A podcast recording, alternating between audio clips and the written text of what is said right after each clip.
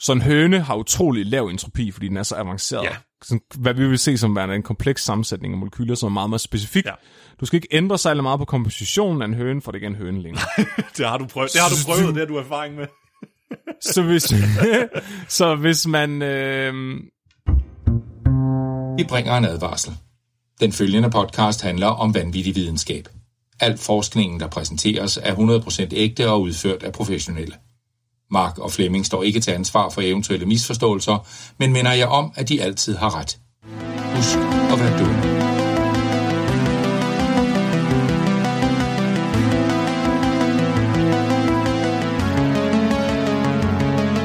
Hej alle sammen, og hjertelig velkommen til Videnskabeligt Udfordret. Din bro til vanvittig videnskab. Jeg er den mystiske jæger i den mørke skov Nikolaj og jeg er det uskyldige barn, der har startet et bål i den mørke skov. mens, den, mens den uhyggelige jæger ligger og sigter på mig med sin riffel. Ja. det, det, det er meget svært for mig, måske at trykke på aftrækkerne, eller skal jeg ikke? Især når jeg ved det. Men, Nej, ikke, men, men, men det er ikke medlidenhed. Det er simpelthen bare ren frygt for, at der ligger andre jæger, der så opdager dig, når du skyder. Ja. Det er jo pure business, ren overlevelsestaktik, Flemming. Det er ikke personligt ment. Nej. Det, og det er så smukt. Det er perfekt, det, det er et perfekt intro, det her, Nikolaj. Ja. Perfekt, det bliver Jeg er faktisk jeg er lidt stolt af os selv. Ja. Så vi har måske lige sådan givet et rimelig stort hint som en form for sådan en metafor om, hvad det er, vi skal snakke i dag, kære lyttere. Så Der er ikke nogen, der, der, er ikke nogen, der regner ud, hvad det er baseret på det der. det ved man aldrig, det ved man aldrig. Så i dag, der skal vi snakke om Fermis paradox, specifikt om en af løsningerne til det, der hedder Fermis paradox, som der hedder den mørke skov-hypotese. Og Flemming, øh, vil du dykke lidt mere ned i, hvad det er, vi skal snakke om i dag? Ja, så Fermis paradox er basically ideen om, at vores forståelse af, hvordan liv er opstået, og fysikkens lov, så burde der være liv overalt i rummet. Hvis man er lidt optimistisk, så burde det være over det hele. Eller også på et eller andet tidspunkt være opstået, og så spredt sig til det, vi observerer nu. Men det, det har det ikke gjort. Nej. Og det, Vi, vi har ikke opdaget noget tegn på liv. Øhm, og det, det er jo vildt underligt. Det er jo et paradoks, og det var der en gut, der hed Fermi, der var den første, der sagde, fuck, det er mærkeligt det her, og så blev det til hans paradoks. ja. Og der findes sådan en hel masse forklaringer på, hvorfor ser vi ikke det her intelligente liv. Og det er alt sammen løsninger på Fermis paradoks. Nogle af dem er søde, nogle af dem er rationelle, nogle af dem er virkelig underlige, og så er der bare nogle af dem, der er fucking, fucking uhyggelige og deprimerende. og i anledning af Halloween, der vil jeg gerne tale om den, der er mest uhyggelig og deprimerende af dem alle sammen. Dark Forest-teorien, som er en løsning på Fermis paradoks. Yes. Det glæder mig til at høre om, Flemming. Ja, skal vi bare gå i gang med det samme? Ja, lad os gøre det. Med mindre, med mindre der er sådan mere ting, vi sådan baggrundsviden, vi hurtigt skal sige, eller det kommer du en på, går jeg ud fra. Nej, det kommer bare lige så stille og roligt. Jeg tænker, i dag det er sådan en af de der afsnit, hvor vi rigtig kan hygge os med at sidde og diskutere. Ja, okay, fint. Men lad mig høre, Det her, det er sådan lad noget... mig høre om den øh, mørke skov, så. Okay. Da jeg gik i gang med at forberede mig, der fik jeg lige øh, 10 videnskabelige artikler af Nikolaj. så jeg har, jeg har på fornemmelsen, det her det er også noget, der betyder noget for dig. Så du skal bare, altså, feel free til at afbryde mig på hvilket som helst tidspunkt. Så, øh, så tager vi snakken, Nikolaj. Ja. Der er rigtig mange kloge mennesker derude, som er bange for aliens. Som synes, ideen om andet liv i rummet er mega fascinerende, vil være den st- største opdagelse i menneskets historie, hvis vi fandt andet liv i rummet. Men på samme tid også synes, at det vil være det mest forfærdelige, der nogensinde kunne ske. Så øh, Stephen Hawking for eksempel, han, er, han var en af fortalerne for, øh, at øh, aliens, de ville nok være pænt farlige, hvis vi opdagede dem. Han brugte altid analogien om, hvordan at øh, indianerne, de blev udryddet af Columbus, eller Columbus kommer og gør alle mulige træls ting over for indianerne, altså vi fra Vesten, som, som en, et, et eksempel på det her. Fordi han tænker, at der altså andre, andet intelligent liv vil potentielt kunne have udvikle sig i flere millioner år mere end os. Så deres teknologi vil være så avanceret, at vi vil opleve den som ren magi, at vi vil slet ikke kunne forstå den. Og de vil måske ikke have noget øh, incentive til at, at være søde ved os. Altså, så, så, så, så ligesom vi fra Vesten tog til Amerika og var mega træls over for dem, der ikke havde den samme teknologi for os, er han bange for, at det vil ske, hvis vi møder aliens. Det er et meget menneskecentreret synspunkt, i hvert fald. Det er meget menneskecentreret, og jeg synes også, at at bruge menneske-menneske-interaktioner som et eksempel på, hvad der vil ske mellem mennesker og aliens, er en rigtig dårlig, dårlig ja. idé. Fordi vi mennesker er så ens, og vi har alle sammen basically den samme motivation. Vi er programmeret til det samme. Ja. Så, men, men det er på, på mange måder alligevel, vi kan prøve at lave nogle antagelser om, hvordan aliens de fungerer. Så vi ved for eksempel, at liv på jorden bærer information i form af DNA. Og det primære mål med DNA, det er jo at kopiere sig selv og sprede sig. Og det er egentlig det, der ligger til baggrund for al biologi. Og det er også, altså et eller andet sted, hvis man sætter sig ned og tænker over, hvorfor gjorde jeg det her? Hvis man reducerer nok, så vil man næsten altid nå frem til, at det var for at sprede sit DNA noget mere. Ja, ja. Det er derfor, at øh, man holder døren for søde piger, fordi øh, ens DNA siger... Det er derfor, at... Øh, det er alt, altså, alting er DNA, folkens. Nu, nu, og sådan er det bare. Ad. Og, det og der kunne man også tænke, andet liv vil nok også have en eller anden form for analogi til DNA. Fordi ellers så vil vi ikke, så vil vi ikke tænke det som liv, hvis at det ikke bærer på en eller anden form for information, der spreder sig. Og det er jo ikke særlig bæredygtigt, det her med, at vi er programmeret til bare at sprede vores DNA. Fordi det virker måske, hvis, at de, hvis det, du eksisterer i, er en eller anden form for fucking sø, og du bare gerne vil have al, al lorten, der ligger nede i søen for dig selv. Men, men når, man, når man så er en verdensomspændende art, ligesom os, der ikke længere har fatteevnen til at forstå, hvad det er, vi gør, andet end, end hvad der lige sådan er i vores nærmiljø, så er det jo ikke så smart. Altså, så vi, er jo- vi er jo programmeret til at vil sprede os, vi er programmeret til og vil have så, så meget næring som overhovedet muligt, og så meget ejerskab over verden omkring os. Og derfor smadrer vi alting, på grund af vores DNA's programmering. Og det, det kunne man også tænke sig, en dominerende art, en dominerende intelligent art fra en anden planet, vil på et eller andet tidspunkt i dit livshistorie have haft samme øh, udviklingstrin som os, at de er blevet den dominerende art, og det er de jo blevet ved at dominere de andre arter, og hinanden højst sandsynligt. Øhm, der er også ideen om, at, det kan vi se her på jorden, at den kvaliteten af næring er meget vigtig for, hvor overskudsagtig du kan være. Så for eksempel, hvis du er græs, og du får næring fra solen, så har du ikke overskud til at lave særlig meget andet end at være græs. Fordi det, det, det er pænt hårdt at leve af sollys. Og jeg ved godt, der er nogle mennesker, der bare har lyst til at lægge sig med anus øh, op i luften, og så bare absorbere energi fra solen. Men vores hjerner og vores kroppe er alt for øh, Ener- Hvad energihungrende. energihungrende til, at vi kunne leve af sollys. Så er, der, så er der nogle dyr, så er der nogle andre organismer, der på et tidspunkt tænker, "Pff, hvad med vi bare stjæler øh, madpakken fra de andre, og så begynder de bare at æde græsset. Ikke? Der har vi køer. Så køer de har lige luret den. De er sådan, fuck it, det der med solen, det er ikke særlig effektivt. Vi æder bare en hel masse græs. Og så på den måde kunne de måske tidoble, hvor effektivt ja. de kunne få energi ved bare at æde græsset. Men de skal stadigvæk æde hele tiden, køer. De skal æde hele tiden. Så der var nogle dyr, der tænkte, fuck det, vi æder korn. Bum, tidobling igen. Øh, meget mere energi, fordi køer, de er lavet af mad. Man skal altid cut out the middleman. Cut out the middleman. Det er, okay, men jeg siger ikke, at det kan lade sig gøre at være vegetar nu. Jeg siger bare, at den eneste grund til, at folk kan være vegetar nu, det er fordi, der er nogen, der på et eller andet tidspunkt har tænkt, den der ko, den ser fandme lækker ud. Og så, og Og så, så så suttede ble- de og på så- patterne på den. Og, præcis, og så fik de kæmpe store hjerner. De fik fucking store hjerner, fordi der er så meget energi i kopatter. Og så kunne de opfinde majtærsker, og så er det ligesom om, så kunne de holde op med at spise køer igen. Og, og det, men, men, okay, Det er the circle of life lige. Circle of life. Ja, så det, vi er det, man kalder en tertiær konsument.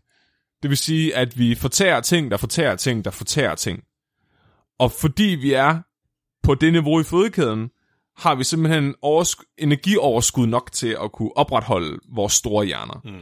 Så man kunne forestille sig, at der findes en eller anden form for fødekæde på andre planeter også, hvor den dominerende art så på et eller andet tidspunkt har været nødt til at være en form for rovdyr, der fortærer andre organismer for at kunne opnå evnen til at rejse ud i rummet. Så man kunne godt antage, at der kunne være en eller anden form for øh, aflig aggression, eller at den i hvert fald, hvis de ikke har overkommet den, stadig eksisterer. Okay. Så det, det var lige mit argument for, at ja, det, det er en dårlig idé at sammenligne mennesker, menneske-menneske-interaktioner med menneske-alien-interaktioner. Men det er heller ikke helt langt ud. Okay. Så kommer... Vi, skal, vi har en hel masse ting, vi lige skal omkring, inden vi når til The Dark Forest. Vi skal lige, vi skal lige, have, vi skal lige have lagt kridtet banen op, som man siger. Så vi taler, når vi taler om Fermi-paradokset, om hvorfor vi ikke ser andet intelligent liv, så kan man kalde det The Great Silence, altså den, den, store, den store stillhed, tomrummet. Der, vi ser ikke andet liv, der kommunikerer med hinanden. Vi har heller ikke, vi har ikke engang observeret tegn på det. Så for at illustrere, hvor udbredt liv egentlig kunne være, Altså, hvorfor, hvor, jeg vil gerne prøve at tale om, hvorfor det er så mærkeligt, vi ikke ser noget. Så jeg har, jeg har et udgangs... Så, så for at forstå det, så må vi ligesom prøve at tage udgangspunkt i vores egen mulige fremtid. Så hvis vi kigger på vores forståelse af fysikkens lov, hvad der kan lade sig gøre, og hvad der ikke kan lade sig gøre, og vores egen øh, ansku, altså vores egen øh, forestillingsevne til ligesom at tænke, hvor kunne mennesketeknologi føre hen. Det kan vi så bruge til at forestille os, hvordan andet intelligent liv også kunne have udviklet sig. Og så begynder det at blive underligt, hvorfor vi ikke ser det. Så jeg laver lige et tankeeksperiment her. På et eller andet tidspunkt, der forenes hele menneskeheden under et samlet formål.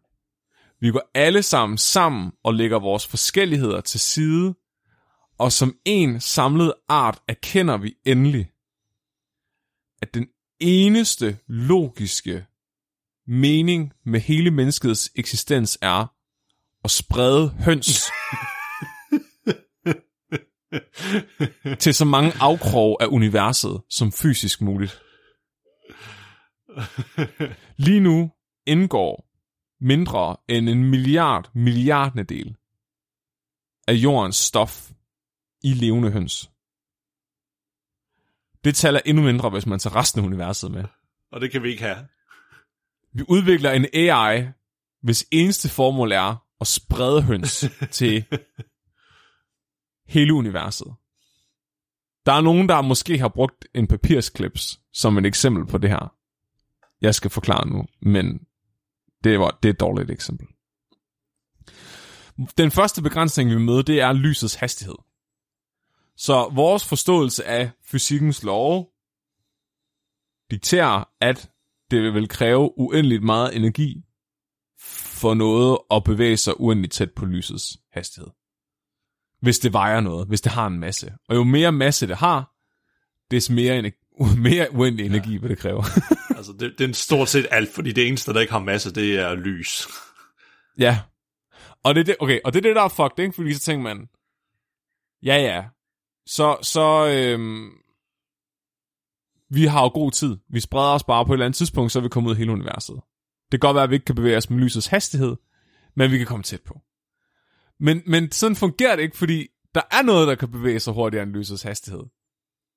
Og det er rummet selv, hvilket er fucked up.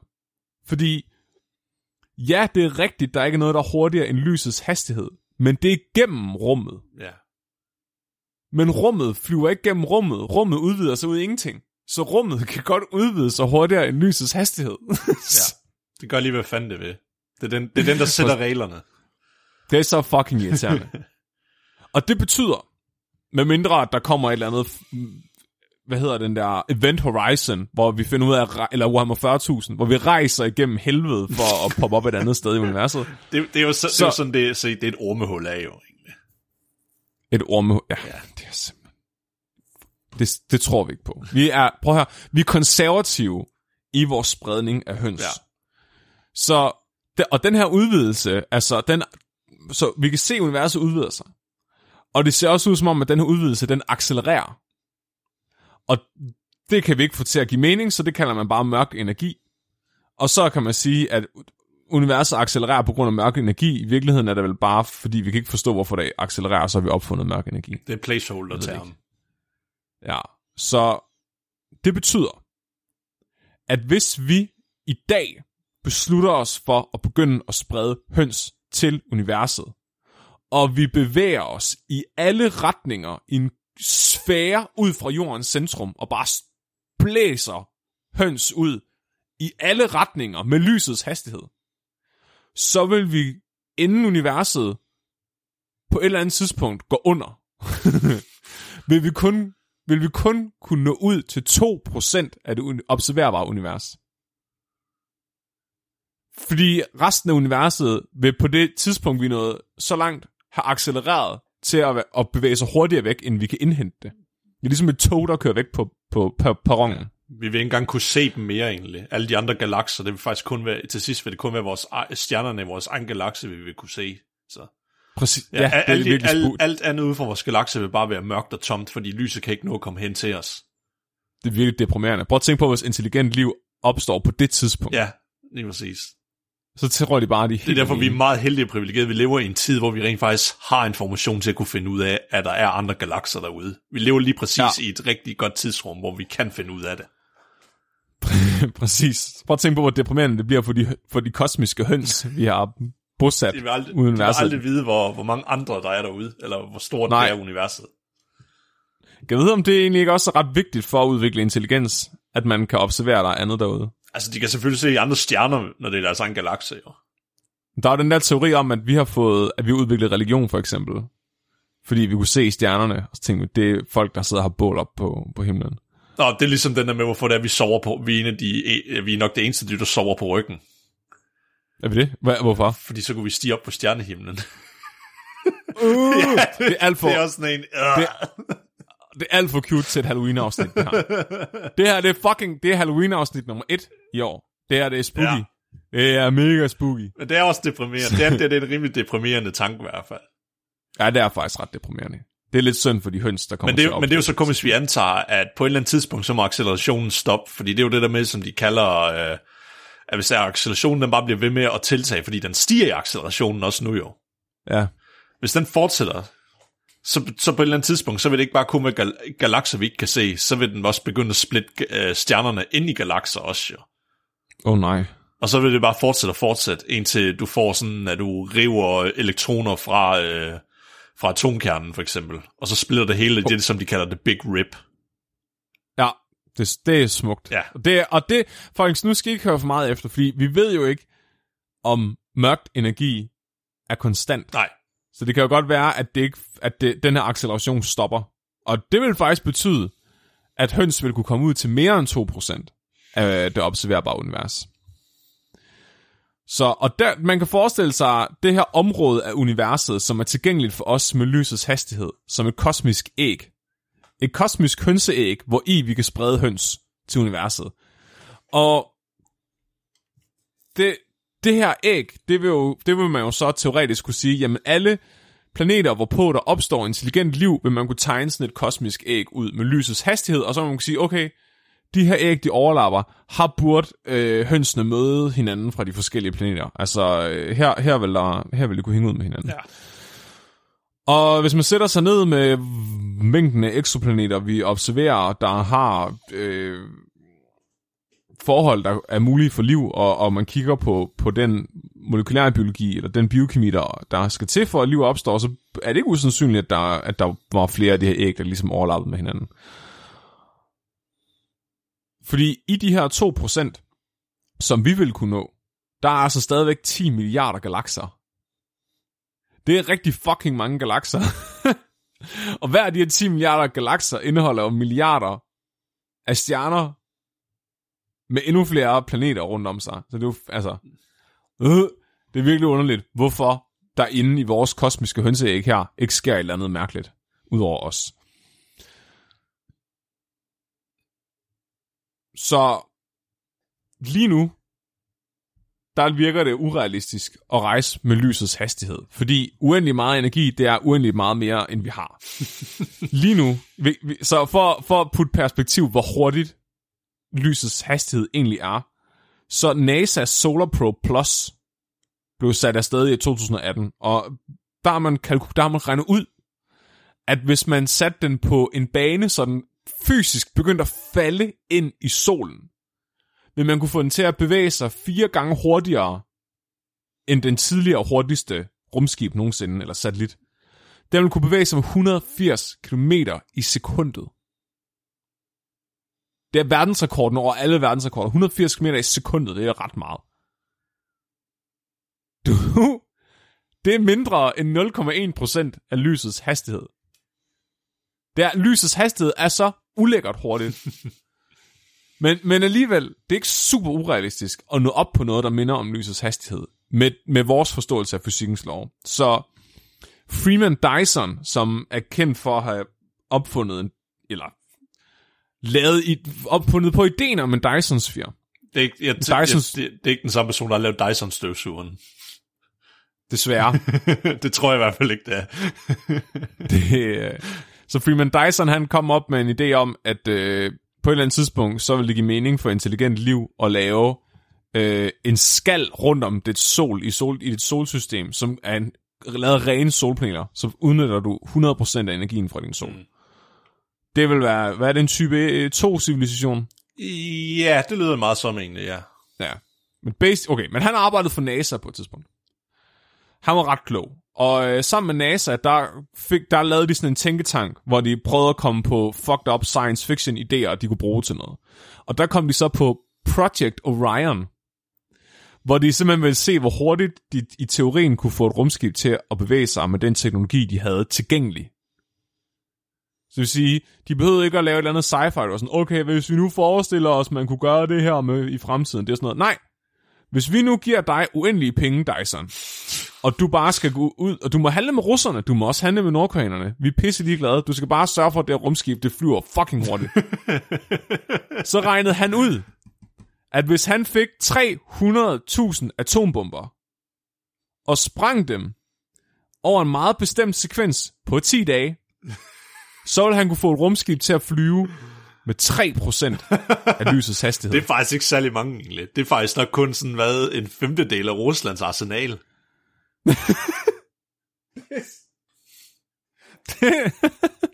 Hvilket sætter tingene lidt i perspektiv egentlig, gør det ikke? Åh oh, gud. Jesus Christ. Ja, så øh, det vil sige, at øhm, med, med, det, med det, der kan du øh, enten næsten erobre Kiev, eller rejse med 3% af lysets hastighed. Men vi er også nogle fuck... Altså prøv at høre. Det kan godt være, at vi har smartphones, og vi har TikTok, og vi har øh, fancy kaffe. Men hold kæft, for er vi stadigvæk nogle aber. altså, vores teknologi er virkelig ringe. og, og alligevel vil vi kunne nå en 3% af lysets hastighed. Jeg siger bare, scenariet med høns, der rejser med lysets hastighed, er altså ikke super urealistisk. Fordi når man kigger på, hvor elendige vi er, hvor, hvor, hvor elendige vi er, og stadig kan nå 3%, ikke? Sådan noget som benzin. Det brænder. Så, så en, af de, en, af de, en af de tankeeksperimenter, man kan lave, det er, hvor meget energi rummer stof. Så, st- og stof er basically alt der udgør noget som helst i hele vores univers, alle grundstofferne.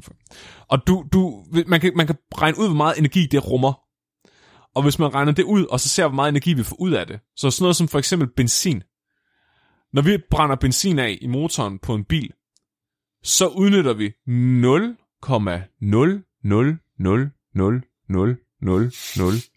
0,0000005% af den energi, ja, der er bundet, vi kunne udvinde. Der er bundet i al massen. Ja. ja. Det er ikke særlig meget. Det er mennesket er fem gange dårligere. Så det vil sige, at når vi spiser en høns, øh, når vi spiser en høne, så udnytter vi 0,0000001% af energien i den høne. Ja. Hvis vi ikke kunne udnytte 100% af energien i den høne, vi åd, så behøvede vi kun æde en høne hele vores liv. Så har vi energi til resten af vores liv. Det er sgu da smukt. jeg tror, faktisk, jeg, hvis jeg, bare... jeg, tror engang, jeg, jeg tror faktisk allerede, det, det er overkill. Jeg tror engang, du behøver æde en hel høne. Jeg tror bare, du behøver at æde sådan en lille fraktion af hønen, så burde det være nok til resten af dit liv. Ja, og der behøver du stadigvæk kun at kunne udnytte 0,001% ja. af energien, for at leve resten af dit liv, uden at spise flere høns. Hvis vi finder ud af, så vores forståelse af fysikken, der, der, der kan man forestille sig noget brændstof, hvor man kan udnytte 100% af energien i stof. Og det vil man kunne gøre ved at et eller andet sci-fi shit med at tage en antipartikel og en partikel, og så lave en, en reaktion imellem de to, som en form for øh, superfusion af de her to partikler, vil teoretisk set, baseret på vores forståelse af fysikkens lov, kunne lave noget brændstof til en raket, der brænder med 100% effektivitet. Det er uhyggeligt meget energi. Ja. Det er virkelig uhyggeligt, uhyggeligt meget energi. Så at, at komme uendeligt tæt på lysets hastighed, måske ikke så urealistisk alligevel for nogen i, i, med, med avanceret teknologi. og, og, og, og, og. Det er, nu sidder alle klimanørderne og tænker, ah, oh, men det er, det er bare stadigvæk, selvom vi laver raketbrændstoffer, det er bare, det er mega dårligt for klimaet og sådan noget. Der er fucking hippier, prøv at høre. Der, der er nogen, Robert Forward allerede i 1984, han designede et teoretisk, en teoretisk rumskib, som er et laserdrevet rumsejlskib. Han lavede simpelthen, der, der, find, der findes i teorien, kunne vi lave de her rumskib, der flyver ud med høns i verdensrummet, som ikke er nødt til at brænde brændstof af, juridisk set. Så hvis vi laver sådan en Dyson-sfære, som vi talte om, hvor vi putter sådan en kapsel af, af, af solpanelet hele vejen rundt om solen, så vil man kunne lave en laser, som plukker energi ud fra solen meget koncentreret. Og hvis du så sætter et spejl op på et rumskib, hvor den her laser skyder ind i spejlet, så vil øh, det her rumskib, rumlaser sejlskib, kunne rejse med fire lysår per 40 år. Det vil sige en tiendel af lysets hastighed. Det er ret imponerende, synes jeg. Mm. Okay, så vi går i gang med at plante høns overalt i verdensrummet. Vi kommer rigtig, rigtig tæt på lysets hastighed. Det første problem er, at de her høns, så de fleste høns, de dør alderdom efter 6 år. Ja, det, så, det er lidt okay, problem. Ja, så vi har det nærmeste, det nærmeste solsystem fra vores solsystem er lidt over fire lysår væk. Ja. Så hvis vi laver en Dyson-sfære hele vejen rundt om vores sol, og laver sådan et laser øh, sejlskib med høns i, så vil de, så vil de skulle stadigvæk skulle vente 40 år på at nå frem. Det er et problem, når hønsene de dør efter 6 år. Det er også et problem, fordi jamen, så, kunne man, så kunne man have sådan et, et hønserumskib med flere generationer af høns hvor at de så roer nye høns ud, og så efter 10 øh, generationer af høns, så er de endelig kommet frem, og så kan de bosætte sig. Men der har vi så det andet problem, der er, at hvis vi ikke fryser de her høns ned, så de ikke keder sig, så æder de jo hinanden af kedsomhed efter to dage. Det er bare en naturlov. Så vi bliver nok nødt til at fryse dem ned. Sådan cryogenics. Men, men der vil de stadig være tunge. Så, så det vil ikke være særlig økonomisk at sende rumskib ud med en hel masse nedfrosne kyllinger på. Øh, især ikke, når man begynder at tænke over, at øh, den her planet, de kommer til, også er nødt til at have de rigtige forhold for hønseliv til at bestå. Så det vil jo høj... Altså, for eksempel, der skal være regnorm på den her planet, som hønsene lige kan spise. der må heller ikke være nogen andre dyr end regnorm på den her planet, fordi så dræber de bare hønsene. Så vi bliver, altså, og det er, vi har ikke, endnu ikke opdaget en anden exoplanet, der kun er regnorm på, og ikke noget andet. Så det vil sige, vi vil, selv hvis vi får dem over i et andet solsystem, og vi begynder at plante hønsene på det her, den her planet, så er vi nødt til at sørge for, at der er de rigtige forhold for hønsene. Hvad med, vi bare tager al den her information, vi tager information til en computer om, hvordan man samler en høne ud af grundstoffer, hvordan man syntetiserer regnorme, og hvordan man terraformer planeten. Og så bare sender den satellit afsted. Med det ene formål, at flyve ud til planeten, lande der, og så bare gå i gang med at kopiere sig selv, og lave de rigtige forhold for hønsene. Så en, hø- Den vil ikke behøve en, hønse, mm? en hønsemaskine. en hønsemaskine, simpelthen. Send den til en død planet, og så bare få den til at gå i gang med at kopiere sig selv, og så syntetisere alt det, der skal til.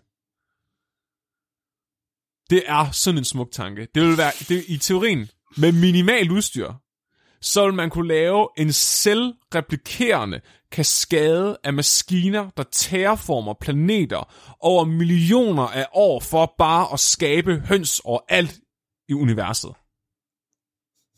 Du begynder lige pludselig at leve rigtig meget som en superskurk lige nu, Flemming, eller sådan noget. Du vil bare få den til at syntetisere høns, slippe dem fri, og så selvdestruere. Og når der så opstår nyt intelligent liv om en milliard år, så vil de vågne op til et univers, der er bosat af høns overalt. Og intet spor af deres skaber.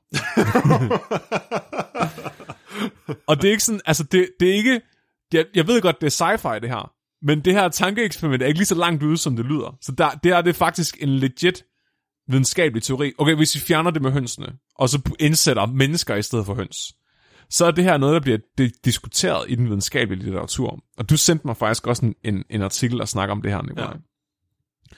Så man kalder dem seed probes. Altså det er en probe, der sår liv i universet, eller spreder eksisterende liv. Altså det vil være nemmere bare at sende informationen om, hvordan man laver det liv, man gerne vil have på planeten afsted, end at sende livet i sig selv afsted. Så det, og det er meget smukt at tænke på. Altså, fordi en, en civilisation, der har teknologien til at gøre det her, vil også have teknologien til højst sandsynligt at lave alkemi, altså lave et grundstof om til et andet grundstof. Så det vil ikke, de vil ikke engang nødvendigvis være begrænset af, at de rigtige grundstoffer er til stede på den her planet i de rigtige mængder. Bare der er stof. Så, så, så det, ja, jamen, jeg synes, det er smukt. Så den her kosmiske hønseudvidelse, den kosmiske hønseeksplosion, der kun er dikteret af øh, mørk energi. Hvis, at, hvis de her, de her seed probes, altså de her hønsesatellitter, med hønseinformation på, de spreder sig, lander på alle planeter, kopierer sig selv og flyver videre. Hvis de rejser med halvdelen af lysets hastighed, det er ikke urealistisk. Halvdelen af lysets hastighed, de behøver ikke have andet end, end, end øh, information med sig, og så evnen til at kopiere sig selv nok gange, til at de kan lave et andet site. Hvis de rejser med lysets, halvdelen af lysets hastighed, og de står stille i 10 år, hver gang de replikerer sig selv, så vil du have en hønseeksplosion, der kunne nå ud over en milliard galakser fra jorden af, inden universets varmedød. Og hvis vi får den her teknologi, og det vil stadigvæk give os en million år til at nå at få den her teknologi, og der er stadigvæk, altså det er jo meget konservativt det her. Du kunne bare lave en, en, en, en satellit, der skider andre satellitter ud, uden nogensinde at stoppe. Så der, der er mange måder at gøre det på. Så fuck it. Man kan også virkelig være troll, bare sige, fuck it, vi gider ikke engang sende satellitten ud. Vi sender bare informationen ud, som den her satellit rummer.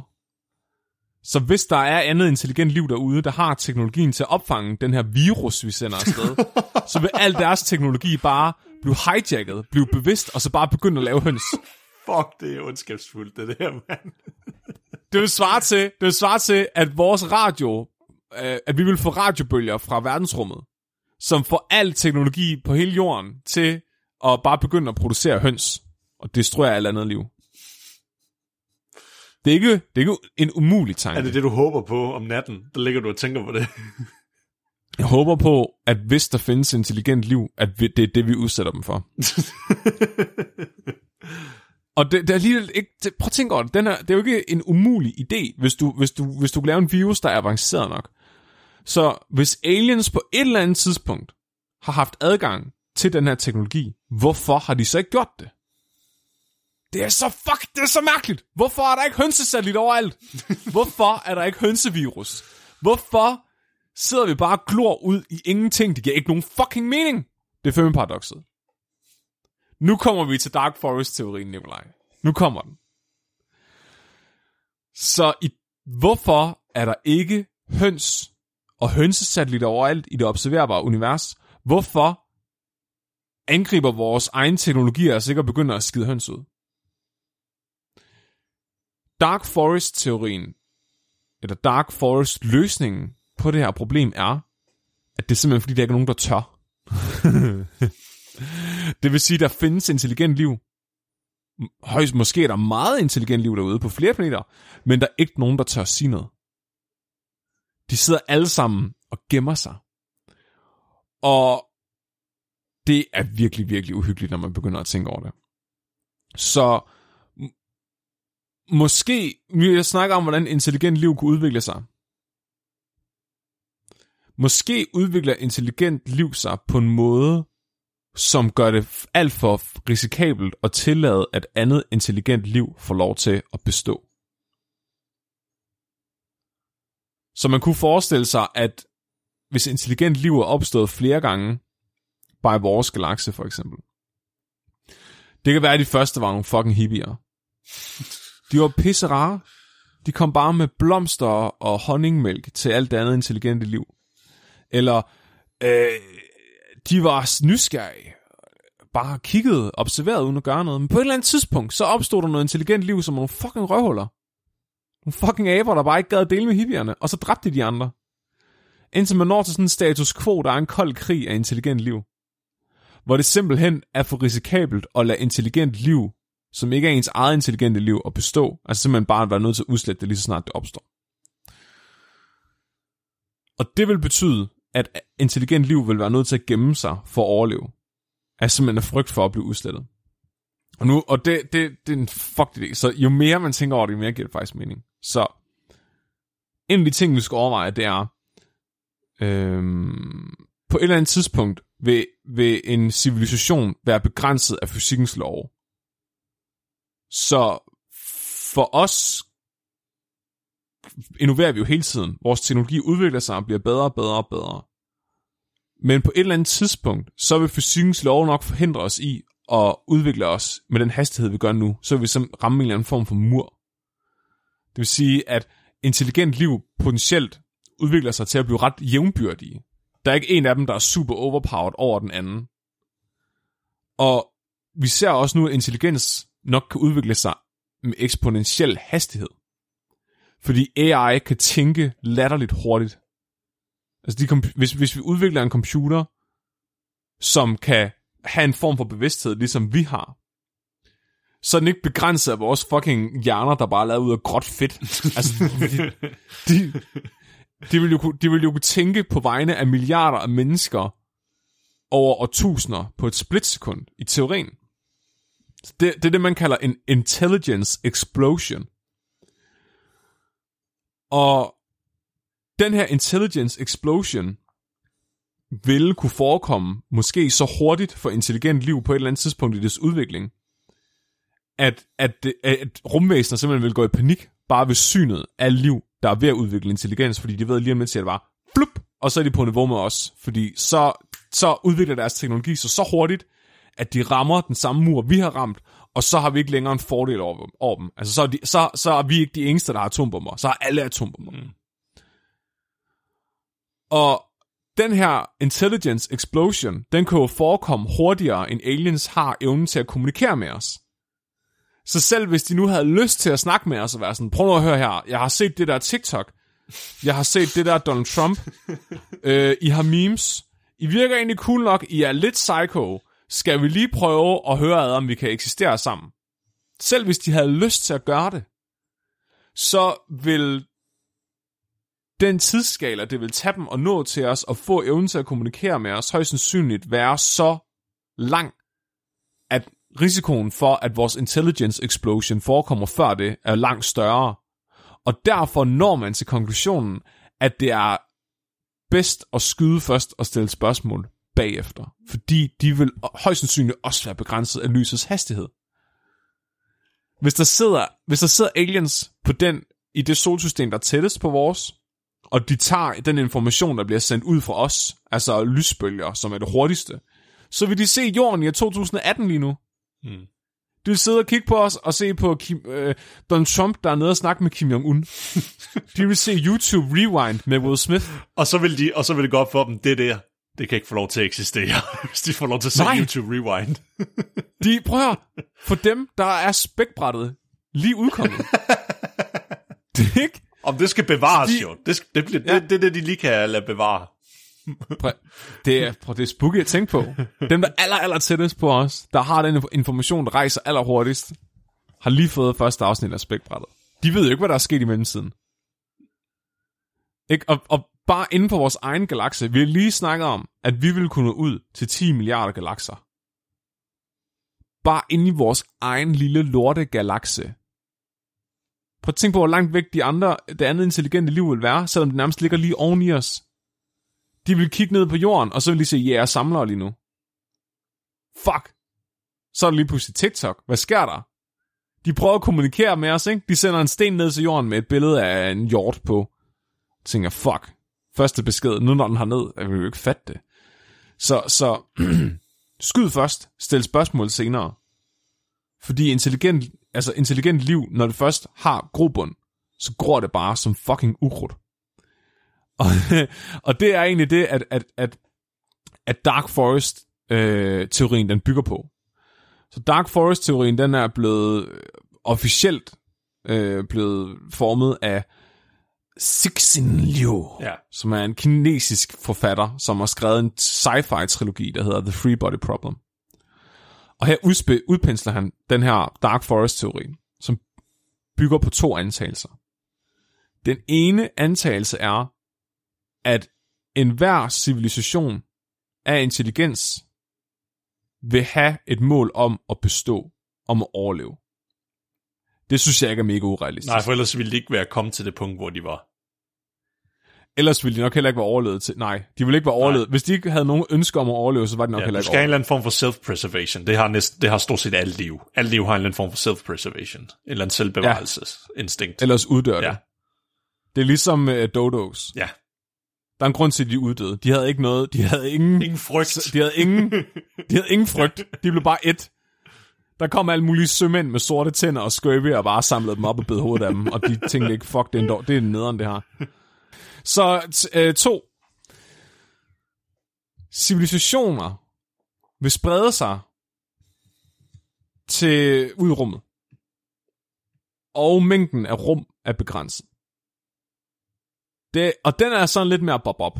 Fordi man kunne godt forestille sig, at en intelligent civilisation på et eller andet tidspunkt vil sige, ah, pff, nu har jeg ikke brug for mere.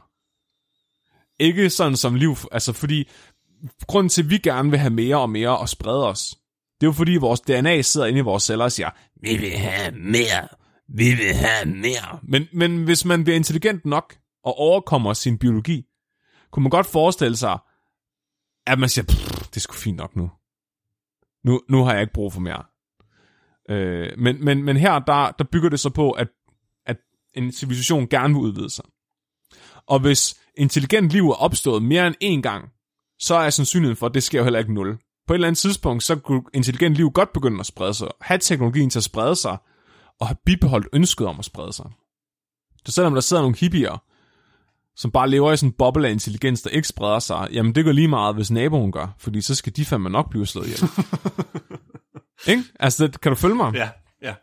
Så, så, så, så kombineret, kom, de to ting kombineret, vil lede til en situation, hvor det er skyd først, stille spørgsmål senere. Hvor universet er en mørk skov, hvor vi alle sammen gemmer os fra hinanden. Fordi hvis aliens opdager, at vi er ved at blive intelligente, hvis de fanger nogle radiobølger fra en podcast for eksempel, som har lavet et afsnit, der kun handler om lort. Hvis de opfanger det, så tænker de, hov, nu er de sgu blevet intelligente. Det kan godt være, at de har hørt andre podcasts, der er blevet sendt med radiobølger ud i rummet. Men på et eller andet tidspunkt, så er der, så er der nogen, der, der er nogen, der er noget af det liv på den her planet, der faktisk formår at tale intelligent om lort i en time. Så tænker de, shit, point of no return. nu er de officielt blevet selvbevidste og intelligente nok til, at det er en trussel. Og så er de bare nødt til at slå os ihjel. Der er ikke andet at gøre. Det, de er blevet for big brain. Så de, skud, de, vil, de vil bare plukke os. Og det er jo egentlig det, vi har gjort nu. Vi, vi forurener. Vi, vi plukker radiobølger ud. Vi, vi, sender alle mulige, vi skyder alle mulige ting ud i rummet lige nu.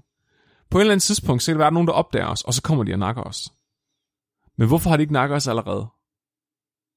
Og det, det er tilbage til den analogi, vi startede med i starten. Der er et lille barn, der har lavet et bål ud i den her mørke skov, og står og varmer sig ved bålet. Fordi det her barn ved ikke bedre. Det er os lige nu. Vi, vi skider radiobølger ud i rummet. Vi smider satellitter ud i rummet. Vi, vi, vi gør os selv meget kendte. Vi, vi, vi tilkendegiver, at vi findes, og vi er intelligente. Og ude i den her mørke skov, der ligger der altså jægere med rifler. Og alle de her rifler, de er peget på os lige nu. Så vi kan sige, at måske er der en intelligent liv derude, der har opdaget, at vi er til stede, og at vi er intelligente, og at vi begynder at udvikle os. Og de ligger og sigter på os og er klar til at slå os ihjel. Og den eneste grund til, at de ikke gør det, det er, at de ved, at alle de andre jægere også ligger ude i mørket og sigter på os. Ja, så hvis, så det- hvis en af dem, de skyder, så vil en af de andre finde ud af, hvem var det, der skød. Og Ja, så vil de præcis. angribe de andre. Ja. Lige præcis. Ja. Så, så vi, det, det, der kan, det kan simpelthen være, at det er en kold krig lige nu. At a, a, andre, a, der er aliens, der ved, vi findes, men, og de vil gerne udrydde os. Men de tør ikke udrydde os, fordi så ved de, at de andre aliens vil finde dem og udrydde dem. Så det vil sige, det er en, det er en, en balancegang. På et eller andet tidspunkt, så er vi blevet intelligente nok til, at vi begynder at blive en trussel. Og så vil der være en eller anden alien-civilisation, der siger, de vejer chancerne. De siger, hvor sandsynligt er det, at menneskerne kommer og udrydder os, kontra hvor meget risikerer vi ved at udrydde menneskerne, for at andre aliens udrydder os. Så, så ideen er egentlig, at på et tidspunkt, hvis vi ikke finder ud af at holde kæft, og holde op med alt det der lort med at sende ting ud i rummet, så er der nogle aliens, der vurderer, at risikoen for at lade os eksistere, den bliver for høj. Og det er det, man kalder øh, the suspicion chain. Altså, der er den her kædereaktion af mistillid, som, som, som, som simpelthen gør, det- ikke gør det rentabelt at lade os eksistere. Og på et eller andet tidspunkt kunne man forestille sig, at vi udvikler os nok til at, at erkende, at sådan noget som supernovaer, der eksploderer, det er måske bare alien øh, civilisationer, der udrydder hinanden. Hvilket jeg synes er virkelig fucking spooky at tænke på. Ej, jeg elsker Dark Forest-teorien. Den er så død uhyggelig. Hvad tænker du, Nikolaj? Jamen altså, hvis jeg kan tilføje noget til det, du har sagt. Ja, kom med det, Øhm, fanden. Du har været så stille. Jamen det er fordi, jeg bare sidder og lytter. For jeg okay. Synes også, det er meget fascinerende. Uh, selvom jeg måske ikke er 100% tilhænger af den her forklaring på Fermi's Paradox. Nå, men nok om det. Men fordi det, der er også lidt mere interessant ved det, det er, fordi der er nok nogen derude, der vil sige, jamen hvad nu hvis der er, lad os sige, at vi kan kontakte en anden civilisation, der er på i Alpha Centauri-systemet, det der er fire sol øh, år væk, eller undskyld, fire lysår væk. Så alligevel fire år hver gang, vi skal sende beskeder mellem hinanden, jo. Ja. Det er alligevel, altså nu, nu det er det bare et eksempel. Øh, Så kan det være, at den tid, det tager, lad os nu sige, hvis vi er sådan 5.000 år ude i fremtiden, vi er også blevet ekstremt avanceret, så får vi endelig kontakt med den her anden civilisation, men vi skal stadigvæk vente omkring fire år, før vi får kontakt ja. Med den anden. Men på de år, der kan vi nå at bruge et våben, fordi den nemmeste måde bare at udslette en anden civilisation på, det er ved at lave det, der hedder et relativistisk øh, kinetisk missil, og sende det afsted. Det vil så sige, uh. Uh. du tager et eller andet objekt, behøver ikke at være særlig stort, og så accelererer du det til 99% af lysets hastighed, eller tæt på, og så sponger du det bare ind i deres planet. Fordi det, mm. det, hvis, hvis du tog, jeg tror jeg læste et eller andet estimat på, hvis du tog et, et objekt, der var på størrelse med et menneske, accelererer det til 99% af lysets hastighed, og rammer det ind i noget, ligesom jorden måske, så vil det svare til, hvis du detonerer alle atombomber, vi har øh, lige nu, i hele vores arsenal på en gang. Det er smukt. Har der ikke været en... Øh, under den kolde krig, der eksperimenterede man også med bare at tage sådan nogle store, øh, st- altså store sten, og sætte kredsløb rundt om, om jorden. Og så, hvis at du gerne vil udslette nogen, så kunne du bare skubbe det ud af dit spane, så det styrter ned. Og så virker det også ligesom en atombombe. Øh, ikke, ikke helt. Man, man har sådan et projekt, det er sådan lidt nyere tid, man har haft det. Der er også nogle film, der har brugt det som... Øh, Ja. Øh, det hvor du tager sådan en satellit, der er i kredsløb, og så har den sådan nogle store øh, telefonspæle af sådan Wolframs øh, metalstikker. ja. Og så lader du den bare enten lige skyde dem ud, eller bare lige lade dem smide dem fra, øh, fra kredsløb. Og så accelererer ja. Ja. de simpelthen så hurtigt, at bare den kinetiske impact, det vil lave en rimelig stor eksplosion, uden ja. at have noget sprængstof.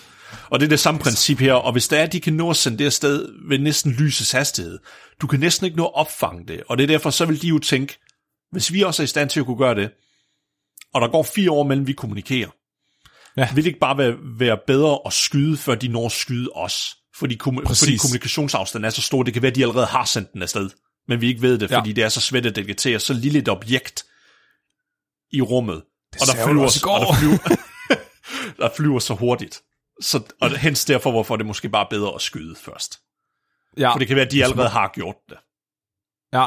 For du ved det ikke. Det- du kan ikke, du kan ikke det er vide så- det, fordi afstanden er så stor, og det er så lille et objekt, de har fyret afsted. Og du kan jo fyre mange af dem ud jo. En civilisation, det er jo, det er jo re- relativt simpelt jo. Du skal bare have et eller andet, du kan accelerere så tæt som overhovedet muligt på lysets hastighed, så bare sende det afsted. Så en civilisation kunne sådan set bare fyre det ud i alle retninger med det samme. hvis det var, de var ekstremt paranoide. Det er så fucking spooky at tænke på. Det er så ulækkert. Og det er jo også en anden løsning til den Dark Forest, at det kan være, som du siger, Flemming, at måske er der ikke særlig mange, det kan være, enten så kan der være rigtig mange intelligente livsformer derude, som der bare gemmer sig. Det kan også være, at der ikke er særlig mange, og grund til, at der ikke er særlig mange, er netop fordi, der har været, eller de få, der er der, er så ekstremt paranoide, de bare har udslettet så meget, at vi næsten ikke kan finde noget. Præcis, og det det, der, og der, åh, det er så spooky at tænke på. Så vi snakker om de her øh, self, self-replicating probes, altså de her satellitter, der kopierer sig selv, og så spreder sig, altså sår sig selv. Det man også kunne forestille sig, det kunne være den fedeste løsning på, at der ikke skulle være andet intelligent liv, der opstår. Det vil være at sende de her satellitter ud, få dem til at sprede sig til hele ens galakse. Det vil ikke tage så lang tid på kosmisk skala. Nej, nej, det kan gøres inden for sådan, jeg tror estimatet, hvad er det sådan 100.000 år, eller sådan noget måske, Ja. eller andet. Og så, og, og så, du ved, have sådan en lille, sådan en lille satellit, der bare ligger et eller andet sted i, i, i alle solsystemer i galaksen. Og så bare ligger og venter på et signal. Og hvis den opdager, at der kommer et signal, der indikerer, at der er intelligent liv, der er opstået i det her solsystem, så plaffer den bare solen, så den kollapser, og så er hele det solsystem væk. Så det er sådan en firewall. De, de har lige forhindret, at intelligent liv nogensinde kan opstå i hele galaksen, ved bare at seed dem her, som ikke vil kræve særlig meget. Så det kan også være, at på bagsiden af Pluto, der sidder der lige nu en satellit og venter på en tegn på intelligent liv for rummet. Det vil sige, når vores afsnit om lort når ud til bagsiden af Pluto, så bliver alt intelligent liv på jorden bare automatisk fjernet. Så det er sådan en form for vaccination. Det er ligesom en vaccine, ikke? Et immunforsvar, der sørger for, at, øh, at, vi, at intelligent liv aldrig opstår. Altså på den måde, så, så har de også hele deres øh, sfære af influence, det der kosmiske æg, de nogensinde vil kunne bosætte sig i for sig selv, så de er sikre på, at der aldrig vil komme konkurrenter. Ja. Altså det eneste, vi har som der fordel, det er, nu, nu sagde du det der med de signaler, vi har sendt ud. Faktisk så viser det sig, og det er noget, jeg har fundet ud af for ikke så lang tid siden også. Jeg tror også bare, det blev med at fortsætte, men, men de signaler, vi har sendt ud, vores sådan kugle af information, den er allerede scrambled, hvor de kan se forskel for det, og så baggrundsstråling. Det er meget det er betryggende, ja, så, så, mindre, vores at det er signal- inden for så, vores solsystem. Øh, jamen, det, det, har, det, har ikke, det er allerede scrambled, inden det når til den nærmeste stjerne. Nå, Fordi vi, fordi, Nå, ja, fordi, vi, stadigvæk, fordi vi ikke har directed det, vi har bare spredt det ud, så det bare blev scrambled, mm. så, så de ikke kunne detektere det, at vi har sendt ud øh, som intelligent. Det vil bare virke som baggrundsstøj. ja. Heldigvis, hvis det, hvis det er, man tror på den her hypotese. ja, men det er så... Øh, og det, er, det er meget... Okay, så kan det være, at vi overlever alligevel. Indtil videre måske. Ja. Men for en sikkerheds skyld, så burde andre podcasts nok stoppe. Jeg ved godt, de nødvendigvis ikke bliver sendt over radioen, men bare lige for en sikkerheds skyld. Ja. Nok mest vanvittige verdenshistorie, de, nu, de burde nok bare stoppe nu, for en sikkerheds skyld. Men, Så bare lige tage en forholdet. Men, men der er måske, hvis vi kan slutte af på en sådan lidt mere... Send alle deres lyttere herover. Hvad? Og jeg, for jeg, ved godt, at det, skal, at det er Halloween, og det sådan er lidt mere sådan dyster. Det, her, det er jo sådan en eksistentialistisk øh, krise, mm. man kan få af at tænke over det her. Altså, fordi der er jo, som sagt, som du sagde, Xi Jinping, øh, han har jo nogle antagelser med det. Og det her det er måske stadig, hvis man lige analyserer det, det virker stadigvæk en vis grad lidt menneskecentreret også jo. I uh, hvorfor skulle andre organismer, hvis det er, de er så avancerede, vil de virkelig være så bange for os? Fordi normalt så plejer vi at se, at hvis du, i hvert fald i vores tilfælde, at jo mere avanceret du bliver, og jo mere ting du har, altså mere ressourcer, du ikke behøver at, at tænke over, at du faktisk bare har det til rådighed, bare kan leve dit liv og slappe af, så bliver du mindre aggressiv generelt. Vores aggressive tendenser er blevet lavere og lavere, jo mere avanceret vi er blevet. Mm. Så hvorfor skulle det ikke også gælde for andet liv derude? Ja, det er rigtigt nok. Men altså, det er jo kun én gang, at det ikke sker, Ja, ja, ja, ja. der, der, der skal til, ikke? Men det kan også være noget helt andet, som der også er forklaring på Fermis paradox der, og det mener jeg også, den er også sådan lidt dyster. Det kan muligvis være, fordi vi lever stadigvæk, universet relativt set er faktisk stadigvæk ungt. Det kan, Nå, så du tænker, vi er måske mm. en af de første. Så det bedste, vi kan gøre, det er at sende de her seeding probes ud, der bare automatisk dræber liv. For at være sikre på, at det her aldrig sker. You're kind of missing the point, men okay. Hvad? Har du overhovedet ikke hørt efter, Nicolaj? jo, men det er jo ikke sikkert, det er, at de, at de fjendtlige, før vi ved det, så måske burde man bare observere på afstand. Siger du, at vi er the old ones? Ja, måske. Det var ret poetisk. Men, men det, og, det er jo, og det er jo det, de aktive også diskuterer med SETI nu jo. Altså dem, der står The Search for Extraterrestrial mm. Intelligence. At de har jo ikke nødvendigvis, de har kun et aktivt lytteprogram indtil videre, men der har været snak om, at vi skal begynde aktivt og direkte mod solsystemer, og så sende et koncentreret signal, som de vil kunne aflæse. Og det, og var det, er der det, Stephen Hawking var ja, imod. det er der mange, der har haft debat om. Skal vi gøre det, hvor det er klogere bare, at vi laver aktiv lytning i stedet for? Mm. Jo. Indtil vi er helt sikre på, at de fjendtligt stillet. Det er måske, ja. det kan jeg godt forstå, det er jeg måske enig i. Det, det er nok rimelig smart ikke at tage chancer. Især nu, når vi kun har én planet, at vi er på indtil videre. Hvis det var, vi var spredt lidt Det- det... mere ud, så kunne det måske være, at det var ikke gjort lige så meget måske. Det er virkelig sjovt at tænke på det her. Fordi jeg tænker meget på det, det er ligesom, det er ligesom dating. Det er ligesom at tage på en, da- en blind dating. Ja, hvor du ikke ved, hvad den anden så... tænker om dig. Ja, men du ved, eller om, eller om, den- eller om, eller om vedkommende har intelligens. Eller om du blev catfished. ja, men jeg tænker bare, at ikke, normalt, så er det bedste at gøre, bare lyt til, hvad vedkommende siger, mm. og så, så tage en beslutning ud for det. Men de der neckbeard-nørder, der sidder inde ved SETI, vi ved godt, hvordan de er, folk, der arbejder ved SETI. De er sådan nogle, der bare går hen, og så har de en eller anden særinteresse, og så står de og kigger ned på deres fødder, mens de bare fortæller om, hvor mange basketballkort de har på den der første date, ikke? Det er det, de gør. De, I stedet for at lytte, så sender de bare signalet. Nu skal I bare se, hvor min... Jeg har 1887 øh, basketballkortet med Nimrod på, det er bare det. Nå, skal vi tage på en anden date? Og det er der, det er for sent, fordi så har de allerede sendt en partikel med lys og hastighed mod dem. Kan vi ikke blive enige om, at vi tager de mest sexede og de mest interessante mennesker i hele verden? Nej, høns. Vi tager høns. Og så lader vi dem stå for SETI. Bare for at være sikker på, at, at vi ikke sådan provokerer øh, intelligent liv til at udrydde os. ja, ja, ja, fordi de tænker, hvis de ser høns, det er det absolut ikke nogen trussel. Kunne vi ikke tage Keanu Reeves, og så bare sørge for, at han står for SETI? Der er ikke nogen, der vil nænde at udrydde ham. Åh, Det tror jeg ikke på. han er allerede blevet udryddet nok ind, indvendigt af alle de der tragedier, han har, han har stået for. Han er øh, breathtaking. ja. No, you're breathtaking. Ja. Der er sådan nogen, der tænker på... Øh, oh no, you're breathtaking.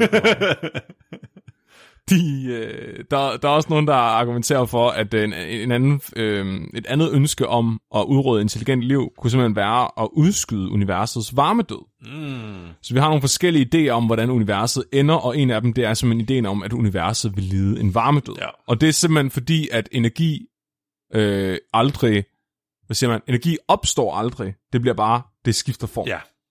Så det... Så det vil, Åh, oh, oh, undskyld, go ahead, ja så det vil altid kunne laves om til, til altså skifte form til anden energi. Men på, når den bliver til varmeenergi, så kan det ikke blive til andet end varmeenergi igen. Så det vil sige, vi, vi laver, energi ændrer sig konstant, men på et eller andet tidspunkt bliver det til varmeenergi, og så er det slut. Så det vil sige, at på et eller andet tidspunkt, så er al energi i universet blevet til varmeenergi, og så er vi bare fucked, fordi det kan du ikke bruge til andet. Og så dør universet en varmedød, fordi så vil der ikke længere være energi til at opretholde liv. Ik- ikke bare det, uh, man, man siger, at uh, når universet når sin maksimale entropistadie. Og mm. entropi, det forklarer bare, at det er den mængde energi, der er i stand til at kunne lave arbejde. Så det er en brugbar energi. Så ikke bare, når alting det bliver... Du kan godt til en vis grad bruge varmeenergi lidt, men ikke helt. Men så når alt det bliver til varmeenergi, så vil den varme, den vil, stadig, den vil stille og roligt begynde at sådan fordele sig, altså precipitate, eller ja, eller jo, sådan sprede sig ud og være lige fordelt, og så vil alting bare have en baggrundstemperatur, der sådan er rimelig kold, og så kan du ikke længere gøre noget egentlig. Så er der ikke Præcis. længere noget til at kunne lave arbejde overhovedet tilbage. Så termo, det, det er sådan en termodynamiske forklaring på, hvorfor universet det så bare vil blive ud, ja, sådan dø over tid. Termodynamisk set er det forklaringen. Det er jo bare baseret på vores nuværende forståelse af fysikkens lov, selvfølgelig. Ja. Men, men alligevel, så kan man sige, jamen vi, sådan som liv for eksempel, vi bidrager jo virkelig meget til den her varmedød, fordi vi skaber sygt meget entropi mm. for at opretholde vores egen lave entropi. Så entropi er, man kan se på det som om, man blander ting, til det ikke er så indviklet. Det er ligesom øh, øh, et sandslot har meget, meget lav entropi uorden. Altså det er en meget ordentligt system, hvor bare sand, der er blevet smadret, har øh, hvad hedder det, høj entropi, fordi der er høj, altså det er spredt. Ja, der er, mange, der er mange forskellige stadier eller konfigurationer, det kan antage. Jo flere konfigurationer, du ja. kan antage, jo mere entropi generelt plejer vi at sige, der er. Så en høne har utrolig lav entropi, fordi den er så avanceret. Ja. Sådan, hvad vi vil se som værende en kompleks sammensætning af molekyler, som er meget, meget specifik. Ja. Du skal ikke ændre særlig meget på kompositionen af en høne, for det er ikke en høne længere. Det har du prøvet, det har du prøvet, det har du erfaring med. så hvis, så hvis man... Øh, så hvis man opdager, at intelligent liv er i gang med at lave hele universets stof om til høns, så forstår man også, at det er noget lort, fordi det bidrager til, at universets varmedød forekommer tidligere. Så det kunne være fordelagtigt at forhindre intelligent liv i at sprede sig, fordi så kan du faktisk udskyde, at universet går under. Det der, det lyder præcis som om, hvis det var den første civilisation, der var den mest mægtigste, det var en flok fucking øh, hippier. Fordi så ville de bare sørge for, jamen, vi skal bare bevare universet. Det er det, der er det vigtigste. Alt andet det er ligegyldigt. Ja. Og det er fordi, det ser de som det ypperste gode, det naturen, den skal bestå, og så bare udslette alt andet. Ja. Det, det, det, det vil ligesom der ske, hvis på- hippierne de får magten. Ja. Ja, så det, lig- det vil være ligesom, hvis de sad på en redningsbåd, og der kun var øh, kiks nok til en person i otte år, men at der så var nogle personer, der bare lå bollet på den der båd og fik barn hele tiden, som også begyndte at æde alle kiksene. Altså, så, altså du ved, så skal du vælge mellem, om, om I bare skal løbe tør for kiks meget, meget hurtigere, eller om du drukner børnene. og der er det jo selvfølgelig logisk at drukne børnene. Mm. Så, der, så det var, men, men, men som jeg ser det, hvis intelligent liv havde, var nået frem til den konklusion om, at intelligens ikke må opstå, fordi det bidrager til universets varmedød, så havde de flået rundt og slukket for alle sol, alle stjerner. Mm. Fordi de, så de er fucking ineffektive. Det kan godt være, at en stjerne, eller vores sol for eksempel, laver fusion af, af hydrogen om til helium. Og det er fucking nice, fordi det pumper en masse energi hernede af, som, som græsset kan leve af. Men, men den er stadigvæk kun 0,7% effektiv. Så det vil sige, at samtlige stjerner, der brænder lige nu, spilder faktisk energi. Spilder universets levetid på at brænde. Så, en, så jeg tænker, en intelligent civilisation, der når til den konklusion, vil tage rundt og slukke for alle sol. Mm. Simpelthen for at gemme, spare på lyset. Men, men det kan også være, at... Nu kommer jeg bare, nu, nu leger jeg djævelens advokat ja. et modargument, hvad du har ja. sagt, for det har jeg også hørt før. Nu, nu kommer det til at være lidt mere sådan fysikagtigt. Men nu, det kan også være, at de er så intelligente, at de har regnet ud, jamen, universet, det skal nok bestå. Fordi når du når et maksimalt entropistadie, Mm. så er der stadigvæk en lille chance for, at der kan ske et fald i entropien. Det er meget usandsynligt. Meget statistisk lavt. Ekstremt statistisk lavt. Men det er ikke en umulighed. Og hvis der, er no- Du, og, totalt Star Trek-agtigt sagt. og, hvis der, og hvis der er noget, øh, som universet har masser af, så er det tid. Der er masser af tid, Flemming. Ja. Så for eksempel, tag, for, for at forestille dig, at du har en kasse, ikke? Ja. En, øh, en kubikmeter kasse, der er fyldt med, mm. med, øh, med, med en bestemt gas. Lad os bare sige, den er fyldt med oxygen. Prutter. Ja, prutgas. Lad os sige det. Svovlbrinte ja. eller Ja, sådan du noget. prutter ned, du prutter ned Ja. i en flyttekasse. Så molekylerne ja. i prutten, på et ja. eller andet tidspunkt, der er der en sandsynlighed for, at den konfiguration, at de alle sammen vil være samlet i et hjørne af kassen. Uh, så, så vil der være, og det vil jo ses som en mindre entropistadie, end hvis det er spredt ud i hele kassen. Og det er, Nå, og så det, du siger, at sandsynligheden er ikke 0. Øh, ja, fordi det er samlet et hjørne af kassen. Det, det er en konfiguration, der kan lade sig gøre. Den er bare meget usandsynlig. Og det er derfor, man, Så det er ligesom- og det er derfor, man har en idé om, at det vil ikke være urealistisk, det også kan ske for universet. Og det er derfor, at hvis der, der går lang nok tid, altså sådan 10 opløftet i en Googleplex, sådan 10 opløftet i 99 opløftet i 99, så der går lang tid nok, så kan det være, der er nok til, at at det også sker for, på et kosmisk plan, sådan så det hele det bliver reignited igen. Og så starter, Så det og så starter ligesom universet have- bare forfra igen. Det vil være ligesom at have et rum med flere tusind høns. På et eller andet tidspunkt, så stiller de høns sig i et perfekt hagekors, Ja, hvis de får uendelig tid til at gøre Ja. det.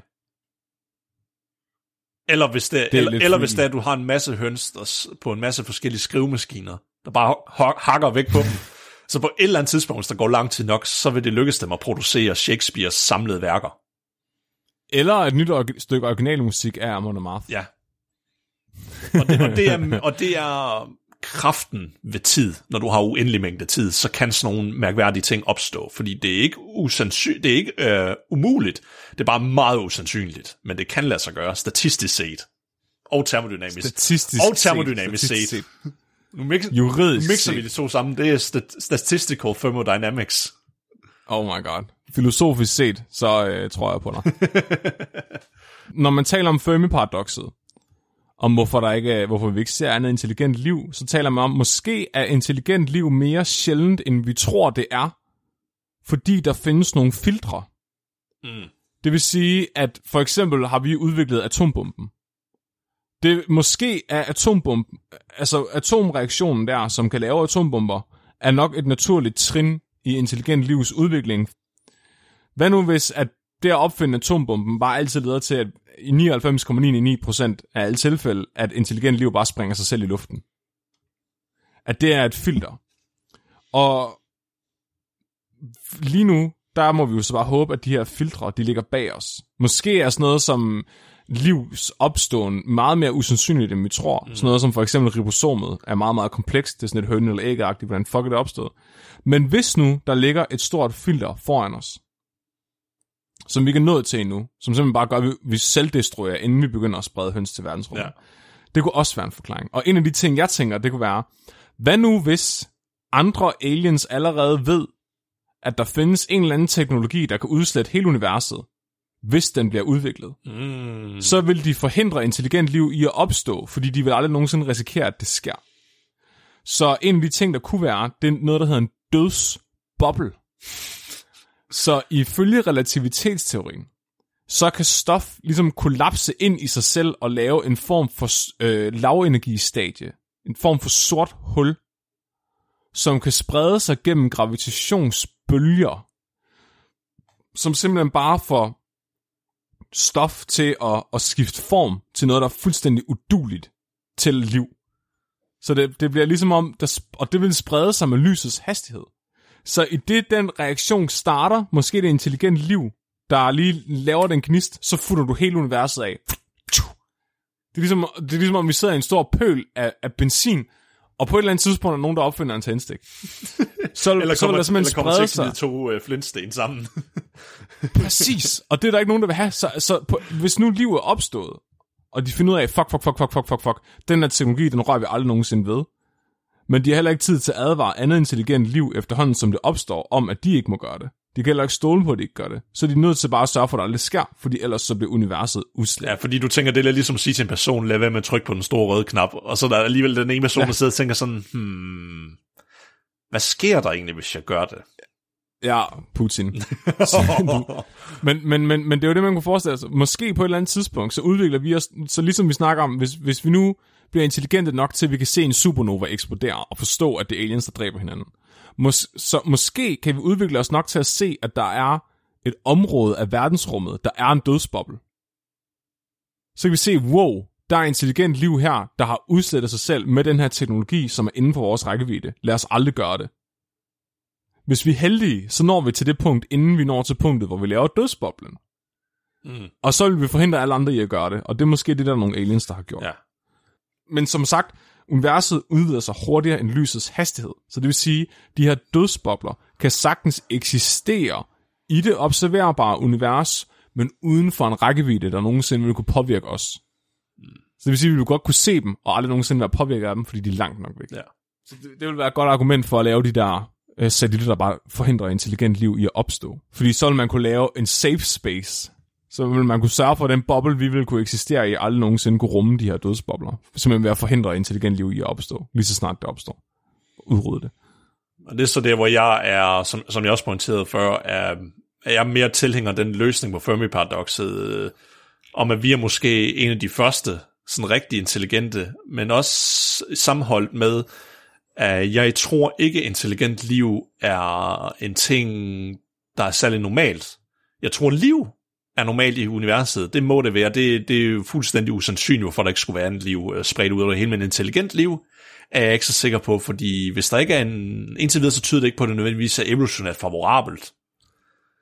Eller det er det, men ikke lige så godt som noget andet. Liv behøver ikke intelligens. Nej, nej, selv ikke selvbevidsthed. Nej, ikke selvbevidsthed er ikke nødvendigt for liv for at propagere. Overhovedet. Tværtimod. Altså, der er bakterier, der har været her i milliarder år, og de vil blive ved med at være her lang tid efter, vi er døde. Og de har aldrig nogensinde det. tænkt en tanke i hele deres liv. Der er en, der er et, en bestemt familie af bakterier, jeg kan ikke huske, hvad det hedder lige nu. Men det er bare en lille gren på, på bakteriestamtræet. Og den, den fylder den biomasse fylder mere end samtlige havdyr Mm. på hele jorden. Altså, det er så... Det, ja. Men jeg tror også, der er bakterier på Mars, så jeg holder med dig på Jamen, den det der. tror jeg, også. tror, jeg, øh, jeg tror mere grund til, altså, altså selvfølgelig, øh, det her det er jo bare spekulationer jo, så den anden det med, med den mørke skovhypotese, den kan lige så godt være sandsynlig, men ud fra hvad de beviser, vi har gået med indtil videre, så er jeg ikke overbevist om, at intelligent liv er udbredt i universet. Jeg tror, liv er det, det må det være, men ikke intelligent liv. Så, og okay, jeg tror, det er du- derfor, der er stille. Bare fordi, at der ikke er gået lang nok tid til, at den her meget usandsynlige lille evolutionære quirk, det her sorte får inden for evolutionen, at det ikke er opstået flere steder end, endnu. så du er så fucking mørk, det er helt vildt. Jeg elsker det.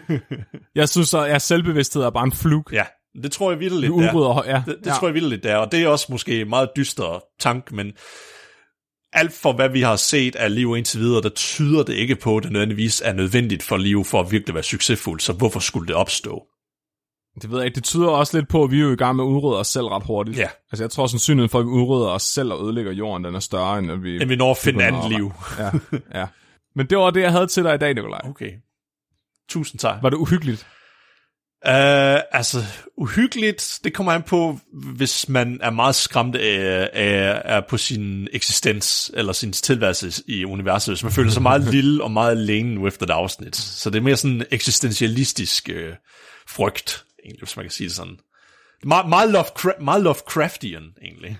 Jeg prøvede at male en lys fremtid for os, ved at kolonisere verden med, med verdensrummet med høns. Ja. Og jeg har så gjort det ved at sige, at det kan være, at vi er måske nogle af de første, egentlig. Det, det, det kan både være deprimerende, men også en opløftende tanke måske, eller det ved jeg ikke. Det kommer an på, hvordan du ser på det. Uh, jamen, tusind tak for det, Flemming. Så, ja, næste uges afsnit, der skal jeg til i gang med at tale, og det kommer nok til at blive en two-parter, hvor uh, jeg først begynder at gå lidt ind i sådan medicin i viktorianske London, hvordan det var. Det har vi været lidt ind over nogle gange, og det er sådan, det er bare en meget interessant og makaber tidspunkt i, i medicinens historie. Så jeg vil komme til, og det første af den her to part, det kommer til at handle om øh, lidt bare om baggrunden, hvordan det var dengang, og hvad man troede på. Og så også øh, vil jeg snakke lidt om en, øh, en kendt kirurg på det tidspunkt, der hedder Robert Listing. Og så den anden part, der, som den så ligger op til, der skal jeg, kommer vi så til at høre lidt om en person, der hedder Semmelweis. Så det er hvad de to næste afsnit kommer, eller i hvert fald to parteren. Det er ikke sikkert, at, den anden del den kommer lige efter den, den, øh, den øh, første. Det må vi se. Jeg glæder mig. Tak, Flemming. Jeg glæder tak. mig. Ja, jeg elsker øh, døbe i lægevidenskab. Jeg elsker at drille læger. Har vi nogle lytterspørgsmål? Det har vi. Men lige inden da, Flemming, er der, er der noget ja. andet af folk, eller er der noget folk, de skal huske at gøre for os? Øh, call to action, Flemming. Jeg vil gerne sige tak til øh, vores øh, tierstøttere. Lige nu, der har vi øh, Tilde, Tejs, Rosie, Rasmus, Julie, Jonas og Emilie Mers på optagelse. Og tak til alle de andre, der også er med. tak til alle dem, der spiller harmonika sammen med mig. Og øh, ja, det er bare mega fedt. Skal vi tage dagens øh, lytterspørgsmål så? Bring it. Yes. Så dagens lytterspørgsmål, det er sendt ind af Birgitte. Tusind tak, Birgitte. Og hun skriver, hvad er på lang sigt mest skadeligt for planeten? Toiletrens og klorin eller cola? Og oh, Birgitte er også med. Er hun også med? Det spørgsmål det havde vi faktisk med i øh, sidste afsnit. Fuck sake, Flemming. Det, det tog jeg sammen med Tøre. Faktisk så tror jeg, at mig og Tøre, vi tog fem spørgsmål, uden jeg, uden jeg streger nogen af dem ud. To sekunder. Uh, Hvorfor har kænguruer, vombatter og koalaer tre tissekoner? okay, okay. Og det er Frida, der spurgte om det. Nu streger jeg lige de andre ud. Hvorfor de har tre tissekoner? Hvorfor har de tre tissekoner, Nikolaj? Det ved jeg ikke, det troede jeg ikke, det havde. Men det var, giver mening, fordi det er jo tre gange så meget sjov og ballade. Det er rigtigt. Det er rigtigt. Så det er på en eller anden måde, så burde, jeg tror egentlig, den naturlige udvikling af liv. Jeg tror også, at mennesker udvikler sig til flere Er tissekoner. det, er det virkelig det, som den der lille ekstra sæk, det de har foran kænguruer, det er? Det tror jeg. Ja. Så, Det er bare det er en- den der punkt der. Det må være en af dem i hvert fald. Ja. Og så, og så må det, røv, Det var- røvhul, det må være den anden. Og så den rigtige tissekone, det er så den rigtige. Jeg tror, jeg tror bare, prøv, det er hvad der sker, når det er biologer, der, kar- der karakteriserer det, der aldrig nogensinde har set en vagina i deres liv. Så sker det her, så kan de ikke kende forskel på alle hullerne i kroppen, hvad det er, der har været, så tænker de, det må være en vagina. Okay, så dit, så dit, dit, dit bud på det her, så dit svar er, Det er, det er neckbeard biologer, der ikke ved, hvordan en vagina ser ud, og så har misidentificeret tre huller på dyrene som værende vagina. Lige præcis. Min det er, at det er den naturlige udvikling af alt liv, at det bevæger sig mod at have så mange kønsorganer som overhovedet muligt. Så de er bare evolutionært foran os. Det er det ultimative selviske gen. Ja. tak for det, Frida. oh. Så skal vi have en dyrefakt, Nikolaj. Yes. Jamen, dagens dyrfakt, den kommer fra Camilla, og hun siger, flere mennesker dør fra faldende kokosnødder end fra hajangreb. Fucking psykopat kokosnødder. Jeg vil gerne se Jaws bare med kokosnødder i stedet for. Døda, døda, døda, døda. Og så bluk. uh, Ja, mit navn er Nikolaj. Jeg er Flemming. Du har lyttet til Venskabeligt Udfordret. Husk at være dum.